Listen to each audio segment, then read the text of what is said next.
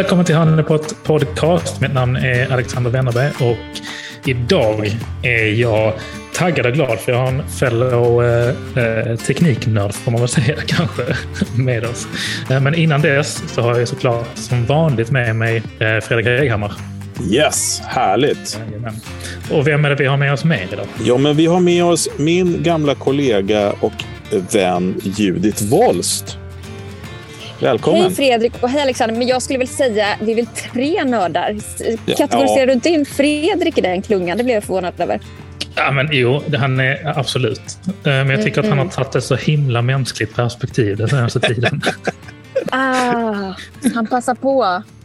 Ja, jag försöker, jag försöker mm. tänka holistiskt och inte lika nördigt. Jag, jag nördar ju i mina, mina gitarrer istället. Jag förstår. Men det, nörd är man ju. Det, det är väl den gemensamma nämnaren helt enkelt. Ja. Jag känner ju dig som nörd eftersom ja. vi jobbade upp för tio år sedan. Då var du ju nörd. Ja, ja men en gång nörd, alltid nörd. Är det inte så? Jag tror det. Ja. Men eh, Judith, det är så himla roligt att du är med i Honeypot idag. För att det här har vi försökt få till ett tag eh, och nu fick vi till det. Jätteroligt. Eh, yes. Och vi sågs ju då senast när vi spikade det här på Gather Festival och det har vi pratat eh, om i podden tidigare, vad vi, vad vi snackade om där och sånt. Men, men du och jag delade ju en panel med Astra mm. Eh, där du mm. pratade mycket om, om det som ligger dig varmast om hjärtat, det vill säga eh, webb 3.0. Säger man webb 3.0 eller webb 3? Vad säger man helst? Webb, eh, webb 3, men det är inte det som ligger mig varmast om Nej. hjärtat. Nej, men det, och det här DOA och NFT och sådana här grejer. Ja, precis. No, alltså jag gillar ju hur teknik kan hjälpa oss i den gröna omställningen. Och då tog ja. jag alltså, i det sammanhanget passar det att vara lite poppig och prata om liksom, nya internet och sånt. Eh, det brukar jag kanske inte prata om, men just då pratar jag om det. Och just nu skriver jag en rapport om blockkedjor och hållbarhet och ja. eh, lite metaverse och DAOs och NFTs och sånt där. Och, och, och, det är väldigt spännande. Så då tänkte vi att vi skulle prata med dig eh, angående liksom, det. Den här podden försöker vi hålla oss kring temat innovation, utveckling. Då. Och tänker vi, mm. det här, de här teknikerna som du ser nu, eh, som man kan liksom använda sig av i hållbarhetsperspektivet. Då. Eh, hur, mm. hur, skulle du tänka, hur, om du, om, från din, ditt perspektiv, hur kan vi använda dem när vi jobbar med innovation och utveckling? Ja, men jag brukar för, jag gillar att förenkla saker och det kan man ju egentligen inte. Men om man ändå ska göra det så blir det mer greppbart. Och då tänker jag att teknik kan hjälpa oss med tre saker. Den första är att göra sånt vi gör redan idag smartare, effektivisera mm. det. Om man tittar på hållbarhetsperspektiv så kan det handla om att effektivisera energiförbrukningen eller producera saker på ett smartare sätt där det går åt mindre material eller på olika sätt där vi liksom gör mindre dåligt av sånt vi redan gör. Det. det. är en mm. ganska enkel lågt hängande frukt och där kan ju AI och massa teknologi hjälpa oss för att, mm. för att få ner det där. Eh, men den, den är ju viktig men kanske inte superspännande och det är väl inte sånt vi ska prata om. Utan det jag tänker är väl framförallt att tekniken hjälper oss också att hitta nya affärsmodeller. Det är också spännande hur kan man ifrågasätta sin befintliga affär, hur kan man göra saker på andra sätt med teknik. Och sen trean eh, som handlar om att tekniken hjälper oss med helt nya typer av saker. Det är väl den jag tycker är mest spännande helt plötsligt så kan vi börja utveckla med hjälp av teknik material som kanske kan lagra koldioxid, eh, material ja. som nya typer av cement. Alltså det är häftigt också att tekniken hjälper oss att innovera i ganska traditionella sektorer som är ganska ohållbara. Och sen det som håller på att hända nu då är ju att ett nytt internet håller på att växa fram med blockkedjor i grunden. Mm. Eh, och det tror jag inte kommer rädda världen i sig. Eh, det kommer nog innebära en sjukt massa problem framåt. Men kom, om vi använder det rätt så kan vi också använda det på massa sätt för hållbarhetsaspekten. Mm. Så det är liksom alltid ett så dubbelt mynt där vi kan använda det, missbruka det, men vi kan också använda det eh, för att jobba mot ett hållbart sätt. Och vi kan använda webb3 och det här nya internetet för massa roliga saker också. Det handlar väldigt mycket om underhållning och eh, och sådana där saker där vi kanske går ifrån de traditionella webb Eh, big tech-företagen som Google och Facebook och sådär. Och där användaren mer tjänar pengar på sitt eget engagemang, på sin egen kreativitet, på sitt eget skapande och sådär. Just det. Så det är en lite ny tid för internet, eventuellt. Men skulle du... Det var ett långt svar. Ja, men det var ett jättebra svar. Men skulle du eh, säga att eh, ja, men det här, om man tänker sig att det här blir, blir mer, tekniken demokratiserar ju också Eh, att, att fler kan ta del av och göra en omställning och sånt med hjälp av tekniken. Mm. Men hur mm. ser strategin ut hos företag där ute? Är de, är de mogna för det här? Eller hur, hur, hur, vad är din upplevelse? Hur ser det ut där ute på, på riktigt? så att säga? Jag upplever att det har hänt någonting de senaste två åren. Um, och när jag läste på Ekonomihögskolan för jättelänge sedan, det var väl 2000 fyra, fem kanske jag skrev min magisteruppsats. Då analyserade vi alla A-listade börsbolags hållbarhetsredovisningar eller årsredovisningar, då, men hur de skrev om hållbarhet. Och hur det ser ut då och nu är ju helt olika lägen. Idag är ju hållbarhetsfrågan i absoluta centrum och jag upplever också att man har förstått att lönsamhet går ihop med hållbarhet. Så det är en helt annan eh, urgency kopplat mm. till det. Och sen så tycker jag också att Blackrock som är världens största kapitalförvaltare, man kan kalla dem vad man vill eh, och man kan kalla det för greenwashing eller inte. Det har de väl anklagats för. Men de gick nu i sitt vd-brev senast eh, det här året ut och var väldigt, väldigt tydliga att sa vi kommer inte investera i några bolag som inte tar hållbarhet på allvar för att hållbarhet har med lönsamhet att göra. Mm. Och så har det inte varit innan. Så när ekonomi och hållbarhets och grön omställning hänger ihop då upplever jag att helt plötsligt så går det mycket snabbare. Och tekniken är ju ett verktyg, det är inte allt, men vi kan verkligen använda tekniken för att hjälpa att ställa om. Ja, men verkligen. Och eh, det här digitaliseringen då som vi brukar prata i podden om i alla fall, att innovation har seglat upp och liksom tagit över lite grann. Eh, eh, att många pratar om det och hållbarhet också för den delen såklart nästan ännu mer. Det har ju seglat om innovation till och med. Men eh, mm. att, att det, det finns lite stigma kring begreppen också. Uh, att det här med digitalisering, folk var så himla rädda för den hit och dit. Så kom pandemin och nu pratar nästan ingen om digitalisering på den nivån. Det vill säga att vi ska använda mötesplattformar som är digitala och verktyg och sånt. Uh, utan, mm. Men nu är det ju som, som du säger också det här webb 3 då, som är, kommer med en helt ny dimension på det här kring mm. andra grejer som man ska jobba med. Ja, det är superspännande. Mm. Men just, ja, men just apropå det här liksom med, webb 3. Eh, jag tänker mm. att vi, man pratar oftast om, som du var inne på också Judith, att, vem liksom, att det, det handlar mycket om ett skifte från de stora big tech. Eh, vem äger, alltså att förändra incitamentstrukturen och ägandet av data och eh, även liksom vem som, vad ska man säga, är inne och jobbar med vad. Det finns ett annat begrepp som jag vet om att eh, du var inne på, som togs upp i panelen också på Gather kring eh, DAO. Mm. Eh, skulle du inte kunna förklara lite liksom, kring, mm. kring det begreppet och vad det innebär? Liksom? Gärna. Eh, webb 3 är ju då ett potentiellt nytt internet. Det vi kallar för webb 2, det var när sociala medier började komma. Så nu är det som sociala medier fast med också äganderätt. Så att om jag skapar innehåll på någon social plattform så är det i, på, i ett framtida webb 3 så är det mycket mer jag som får betalt för det jag gör snarare än att det är Facebook som plattform till exempel som kan tjäna pengar på annonser. Så där har vi lite skillnaden. Och, så att man får liksom, det finns ett helt annat ekonomiskt incitament att vara med och bygga det internetet. Eh, och det här är ju jättesvårt att förklara och eh, man kan lägga veckor på att nörda ner sig i det här och ändå inte känna att man förstår. Men i grunden så ligger det det vi kallar för publika blockkedjor. Det är det som gör att vi kan lita på varandra med hjälp av tekniken.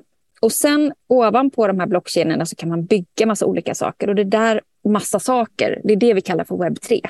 Och så kan man dela in webb 3 i lite olika kategorier. En kategori är NFTs till exempel. Eh, och det är ju sådana här bland annat dyra eh, giffar som vi kan köpa som, som fungerar som digital konst. Ja, precis, ja. Som alla pratar om. Som representerar antingen bara en fin bild men det kan också representera någonting annat. Till exempel ägande av någonting annat. Så att det representerar ägandet av en fastighet till exempel. Det kan representera Eh, kan bli ett sätt att, att du får ditt ID-kort i form av en NFT längre fram där liksom den själva bilden eh, är ditt bevis på att du är du och så vidare. Mm. Så NFT är en del och sen så har vi då det vi kallar för DAOs, Decentralized eh, Autonomous Organizations. Det är egentligen communities, communities med ett gemensamt bankkonto där vi kan gå samman en grupp människor och liksom skapa gemensamma mål, gemensamma ekonomiska incitament och jobba mot gemensamma saker.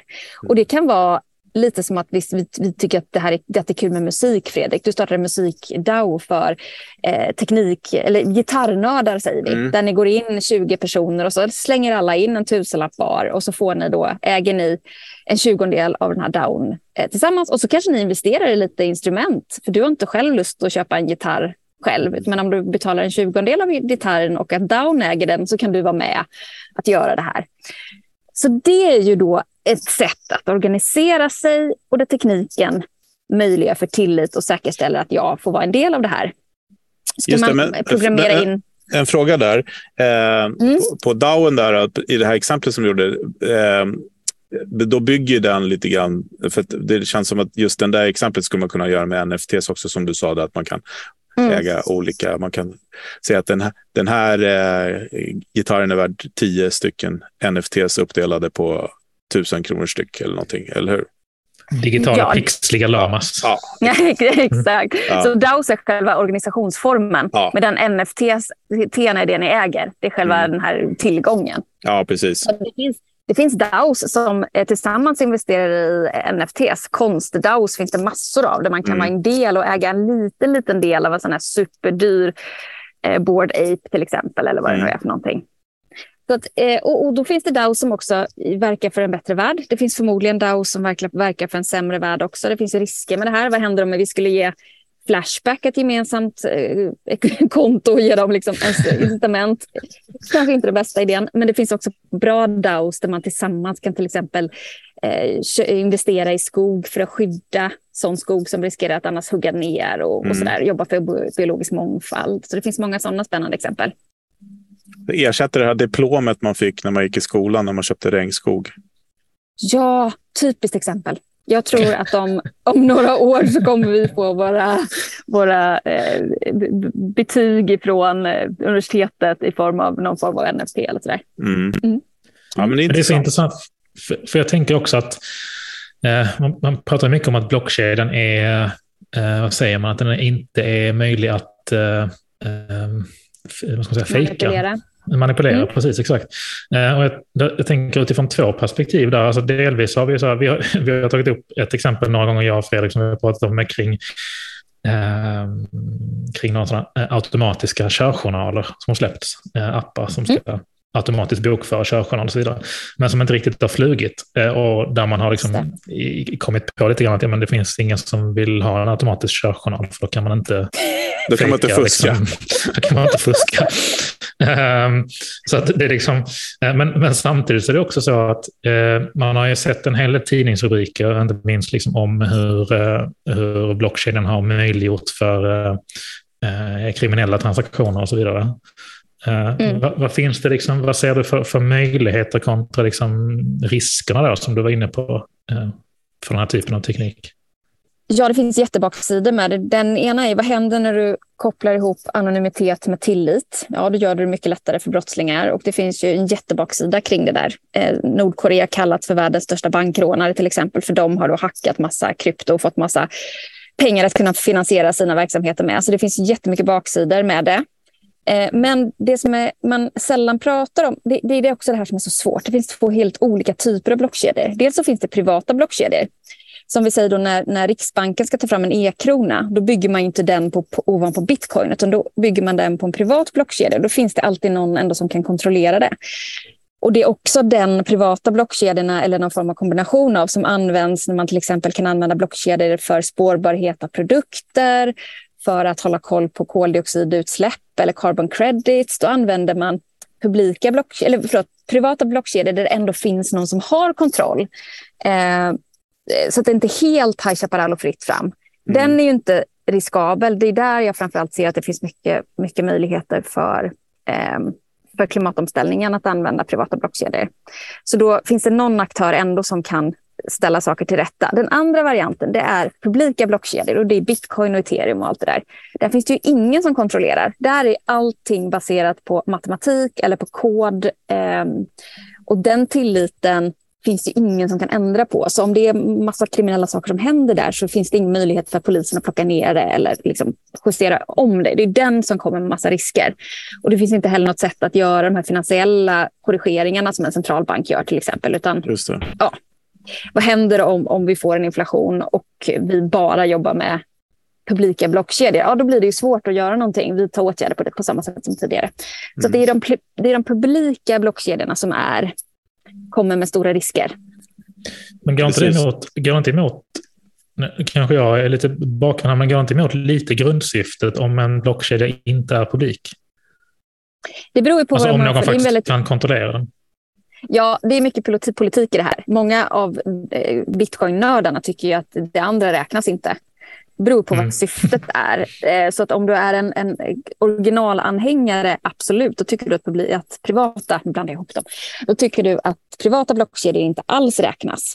Men mm. jobbar du med spårbarhet och vill kunna bevisa att du som företag är hållbart, kunna visa hur dina produkter har transporterats där inga i leverantörskedjan kan fuska utan där du faktiskt kan få mycket, mycket bättre koll på dina flöden, dina värdekedjor och så vidare.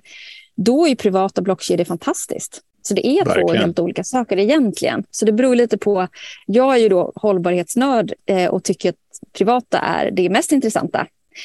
Men så händer det massa spännande saker på den publika också som är bra för världen. Men det finns också mycket, mycket baksidor kring de eh, publika. Så det här är svinavancerat. Eh, jag vill bara säga, säga det. Man är, det är så rolig värld, men det är så mycket buts and ifs and, eh, å ena sidan och andra sidan.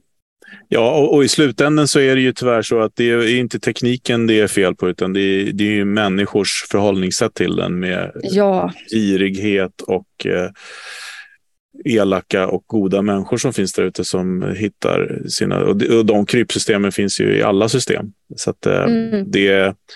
Jag tänkte lite grann på, jag, jag, berättade för Alexander när jag kom i morse att jag hade läst någon quote någonstans att eh, människan är ju den enda varelse som betalar för att vara på jorden. Och det är lite spännande att prata om det där med att eh, Ja, men alltså det här med att folk är så himla skeptiska då till den här nya digitala valutorna som kommer eller blocksystem och chains och sådana saker. Men att jag menar, den valutan vi har idag är också bara på Någon som sa att guld som glimmar var värt mer än, det, än, än en gråsten. Liksom. Mm. En gång i tiden. Mm. Och sen så har man rättats efter det. Så det handlar ju bara om att, en, att världen kommer överens om att det här är, det här är faktiskt värt. Och så nu också uh, tror jag, med, med, där vi befinner oss med, i alla fall i Sverige, när vi blir bombade med information kring inflation och styrränta, reporänta etc. etc. Så man börjar frågasätta vad är det egentligen? Jag, jag Alexander Wikelägg, okej, okay, styrränta det, det känner vi till vad det är för.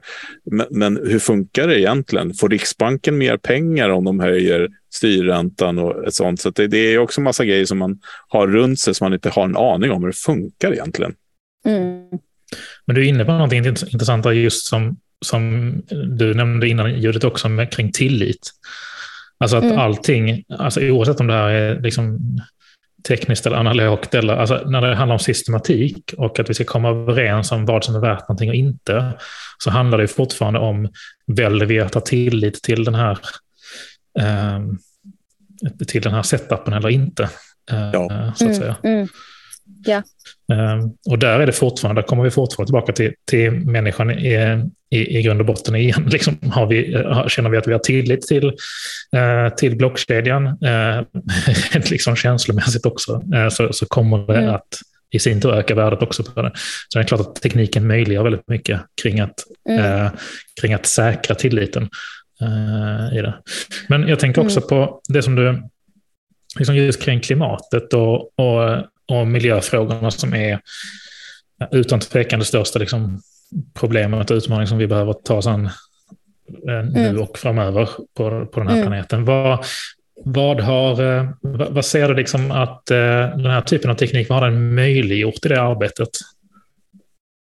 Ja, för det första så anklagas ju, om vi tittar på då, kryptovalutorna, de publika blockkedjorna, för att vara energibovar. Mm. Och det har de varit fram till egentligen nu. Bitcoin är fortfarande det, men för bara några veckor sedan så gick ethereum över från en verifieringsmekanism som kallas för proof of work till det man kallar för proof of stake. Och då gick energiförbrukningen ner med 99,9 procent enligt dem själva. Så att den första sättet att driva en kryptovaluta på, den slukar en massa energi och bitcoin gör det fortfarande. Men vi har mm. innoverat så pass mycket nu att den kommer vi liksom komma bort ifrån. Och jag är helt övertygad om att eh, de flesta, kommer, vi ser nu, de flesta kryptovalutorna väljer den här icke-energislukande metoden eh, snarare än den här där det krävs massa eh, datorkraft och sådär. Det blir så billigare vi... att mina. Mm, ja, Eh, så proof of stake innebär att istället för att du sitter och minar, som det heter, och löser massa matematiska formler, vilket tar jättemycket energi, kraft, eh, så eh, lånar du ut en massa ethereums, eller ja, eh, ganska mycket pengar ändå, och så stakar du dem för att verifiera en transaktion. Och om du skulle fuska, då får du inte tillbaka dina egna pengar. Så det är väldigt, väldigt ah, dyrt att fuska. Smart. Så det systemet, ja. Och det kräver inte så mycket energi, utan det är liksom som att man har, sitter bara framför datorn som vanligt i princip så. Så eh, vi kan bara slå hål på det, eh, den myten, eller den har ju varit, det varit en sanning, men vi är på väg bort ifrån det. Och jag tror och hoppas att vi kommer förbjuda de andra metoderna, för det är helt hål i huvudet att vi ska konsumera massa energi för den här världen. Eh, så det är väl ena. Sen kan ju då blockkedjorna användas för massa saker som är bra för hållbarhet. Eh, och det håller jag på att skriva en rapport på, så jag kan nästan ta upp den och bara ja, spännande. på. Ja. Förhandsvisning. Men, ja, ja, visst. Men det första handlar om spårbarhet och kontroll, där eh, till exempel Helsingborg är ju grymma på det här. De har använt det för att spåra hur hållbar är den torsken i form av fisk som vi köper in då till våra eh, äldreboende och skolor? Och då har de använt blockkedjan och då såg de att om vi spårar den här fisken så har den kanske fångats ganska nära Helsingborg, men den har varit i Kina och vänt. Eh, mm. och då har de kunnat med blockkedjan få jättekoll på hur mycket den har släppt ut och utifrån det då justerat sina inköp så att man inte köper fisk som har transporterats fram och tillbaka helt i onödan. Ehm, så att blockkedjor kan hjälpa oss att få koll på våra leverantörsled, fatta bättre inköpsbeslut och sen också i nästa steg öppna upp det för kunden så kunden kan se svart på vitt att jo, men det här är faktiskt en hållbar produkt. Här kan jag se i, i datan att man har skött sig hela vägen. Och då kanske jag använder någon form av app eller någonting om några år där jag ser att den här produkten har släppt ut så här mycket. Eller om man är intresserad av sociala aspekter, hur de jobbar med mänskliga rättigheter eller vad det kan vara för någonting. Så det är en. Um, ett annat område som jag tycker är spännande är microgrids. Vi kommer behöva mer grön energi, vi kommer vara mer, behöva vara mer självförsörjande. Och tänk om det är så att om vi några år alla har solpaneler på taket och så kan man utveckla ett lokalt energisystem där grannar köper energi av varandra. Och där skulle blockkedjor också kunna ligga som grund eh, och hålla koll på vem som ska betala för till vem. Och då vet vi att Åke som bor två tomter bort, han kan inte gå in och hacka systemet för det är byggt på blockkedjor. Så då, mm. då måste Åke liksom vara ärlig, då vet han att han ska betala 500 kronor till Gun-Britt till exempel. Så vi kan också Alltid använda Åke det som hackar. Åke så här tjackpundar hackar, drar en kabel till eh, den publika lyktstolpen. ja. ja. Nej, Åke får skärpa sig nu när, ja. när här, den här tekniken finns. Och sen pratar man mycket om utsläppsrätter och det är en väldigt, också en väldigt komplex eh, poäng. För det här med att klimatkompensera ska man ju inte göra som bolag som en ursäkt istället för att ställa om, utan det är någonting man kan använda bara för de utsläppen som man inte kan få bort eller historiska utsläpp. Men där finns det marknader idag för handel av koldioxid och det finns massa problem med den. Det finns något som kallas för double counting. Det kan vara flera bolag som hävdar att de har köpt den här rättigheten. Ja, det är liksom lite stökigt. För sådana marknader skulle blockkedjor kunna gå in och göra det mycket mer tydligt och strukturerat och där vi får koll på faktiskt vem som äger vilken utsläppsrätt och, och där AI till exempel kan hjälpa till att säkerställa att den här skogen inte huggs ner som någon har en rättighet på till exempel på en blockkedja. Men, Så det var men, liksom några exempel. Mm, men tror du att det kommer då eh, inom ganska snar framtid bli liksom krav på att man, alltså, att man kan redovisa sina utsläpp till exempel och sånt via blockchain? Ja, jag tror vi kommer få se. Eh, nu ska vi se, det finns ett bolag som Al Gore har varit med och backat bland annat som kallas för Climate Trace. De använder AI för att kartlägga alla utsläpp och pratar om eh, radikal transparens. Så AI mm. i kombination med blockkedjor tror jag verkligen kommer leda till radikal transparens där vi mycket tydligare kommer se vilka länder släpper ut, vilka företag släpper ut och där blockkedjan då skulle kunna hålla koll på den grundläggande administrationen. Eh, just köpa olika utsläppsrätter eller just det. vad det nu kan vara för någonting. Så lite sådär att det som idag är ganska eh, utspritt, ingen har riktigt koll, det går att fuska. Mm. Sådana system skulle kunna styras upp med blockkedjor på något vis. Mm. Ja, det är ju rätt smart.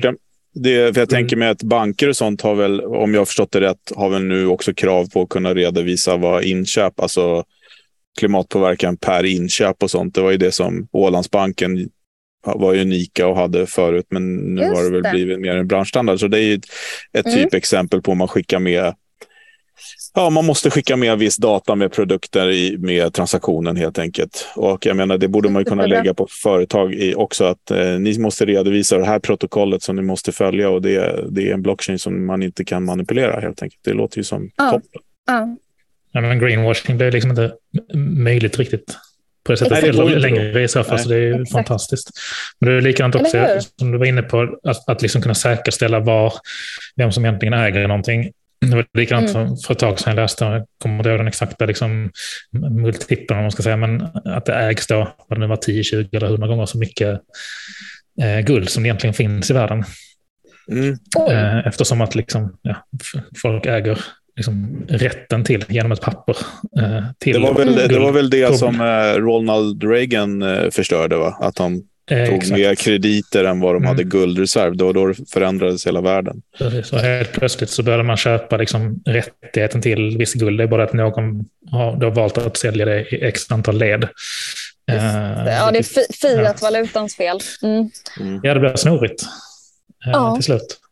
Men, men jag tycker ganska, jag sitter och tänker på här nu, för jag såg något klipp med en, en herre som åker runt i, i jag kommer inte ihåg vilken kommun det var, men han, folk eh, kastar ju sopor i diken och sånt och då går han igenom de där soporna och hittar spår då utav adresser och sådana saker. Så Ah. åker han hem till folk så säger han, du, du har en del sopor som ligger här borta på den här adressen, du kanske skulle åka och hämta dem eller så anmäler vi det. Så att det, det, är lite, det är som eh, fysisk blockchain. Mm. En mänsklig blockkedja. Men en annan, en annan grej som jag tycker är spännande då också eh, efter att ha hört dig prata om det här, det är ju liksom mycket det som vi håller på med och, och, och det här kring vårt verktyg, då, att vi underlättar för folk att jobba ihop och, och skapa, eh, lösa komplexa utmaningar tillsammans. Då. Man tänker på de här DAOsen då, är ju, är ju någonting som är väldigt spännande att titta på när då folk eh, från olika ställen i hela världen då skulle kunna samarbeta och man kan hålla koll på vem som gjort vad och vem som kom med idén och sånt. Eh, är, är en grej och en annan med blockchain är det här med eh, IP, rättigheter på saker och ting. Liksom att, Mm. Det, det är otroligt spännande om man skulle kunna applicera det på innovationsvärlden lite mer så att säga. Ja, verkligen.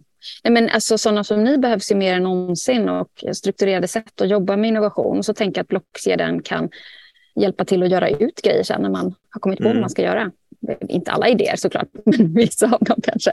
Nej, men för, just, för just patent och IP-världen är ju komplicerad med liksom man, det är olika regioner och olika länder och, och etc. Och man, det är tider det går ut och det, man ska söka och hålla på. Det är ganska komplicerade processer som kanske skulle kunna underlättas med blockchain. Mm. Mm. Man kan ju göra så- hur mycket som helst med, med, med blockkedjor och eh, den här typen av teknik. Alltså både privata Mm. och, och liksom publika. Men var eh, lite nyfiken också, liksom du som har varit inne mycket i det Judith, med, med, med det här. Liksom, var, var, alltså om, om man vill så här, börja utforska eller börja förstå lite grann liksom kring det här, var börjar man liksom i hela den här, i det, i det här kaninhålet? Det är världens bästa fråga och jag skulle säga att jag inte vet. Det jag vet är att man inte börjar. Man börjar inte läsa böcker för att det händer så mycket. Så att eh, böcker Ah. Eh, är ofta utdaterade.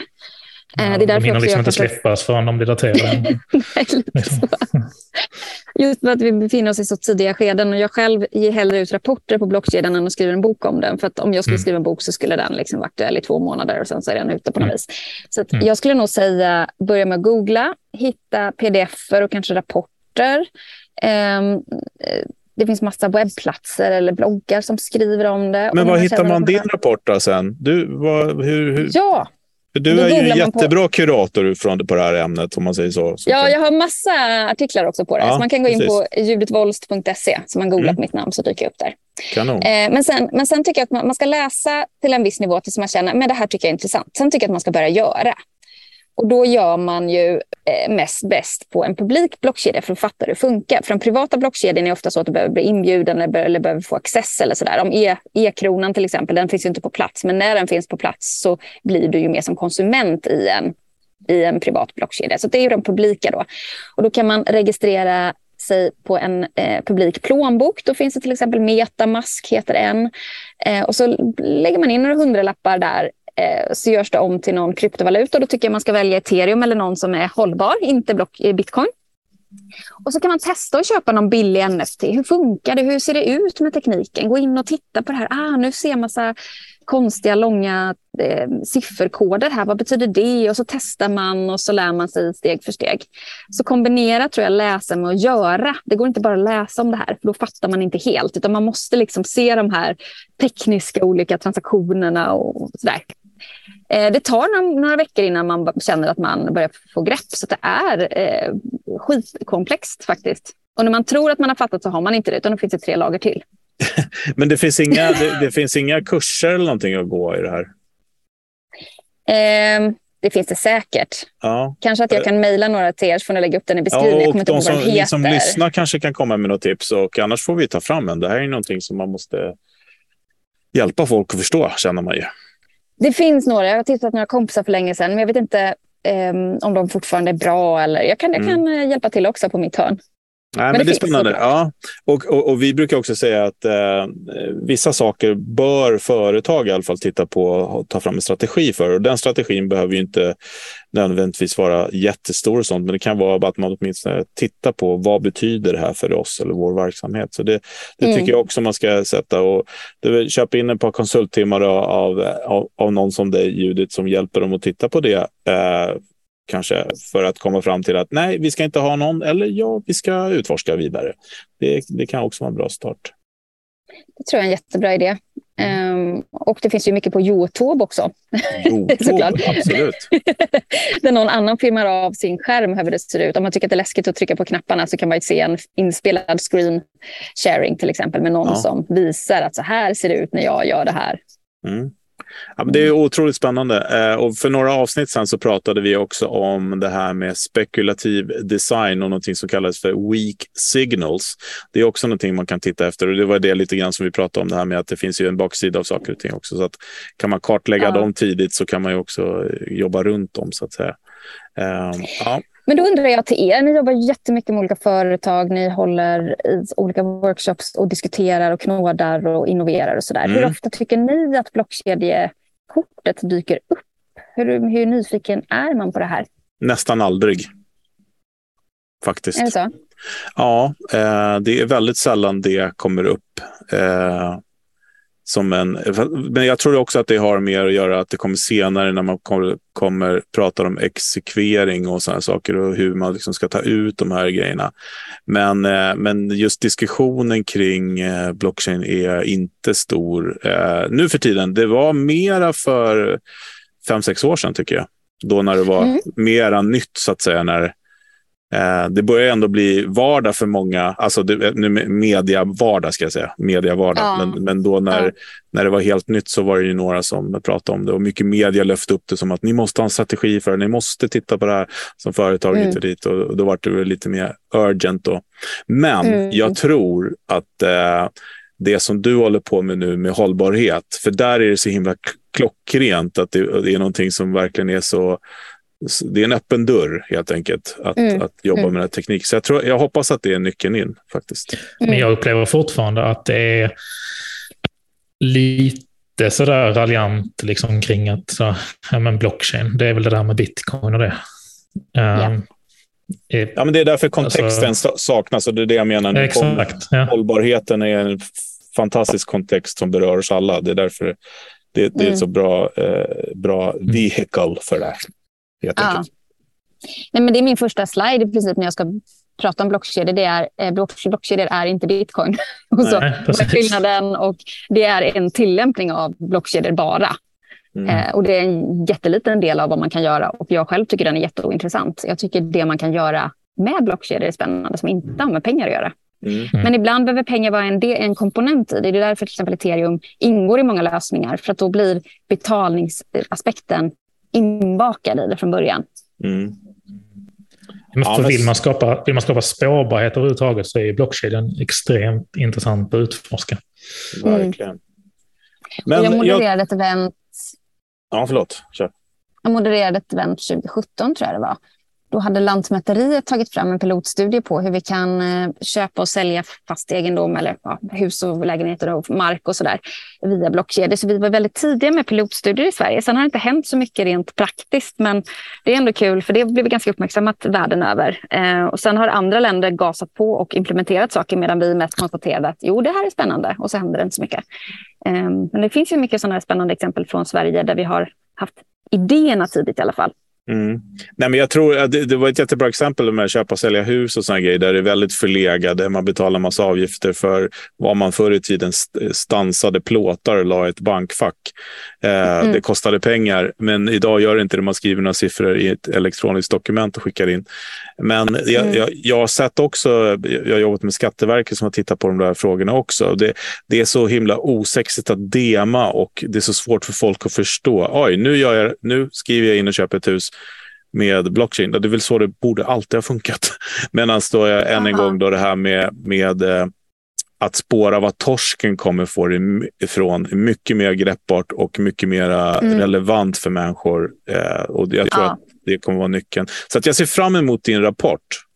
Eh, faktiskt. Ja, det blir kul. Ni får hemskt gärna läsa den först av alla och se om jag har missat något. Eftersom det är så otroligt komplext och så försöka förenkla saker som mm. är ganska svåra. Och ibland blir det nog fel. Så vi får se hur många fel det råkar bli i den här rapporten. Den, den är i alla fall än så länge på 75 sidor. Men det är mycket bilder. Greppbart. Det är bra. Mycket bilder, då kan jag också läsa den. Ja.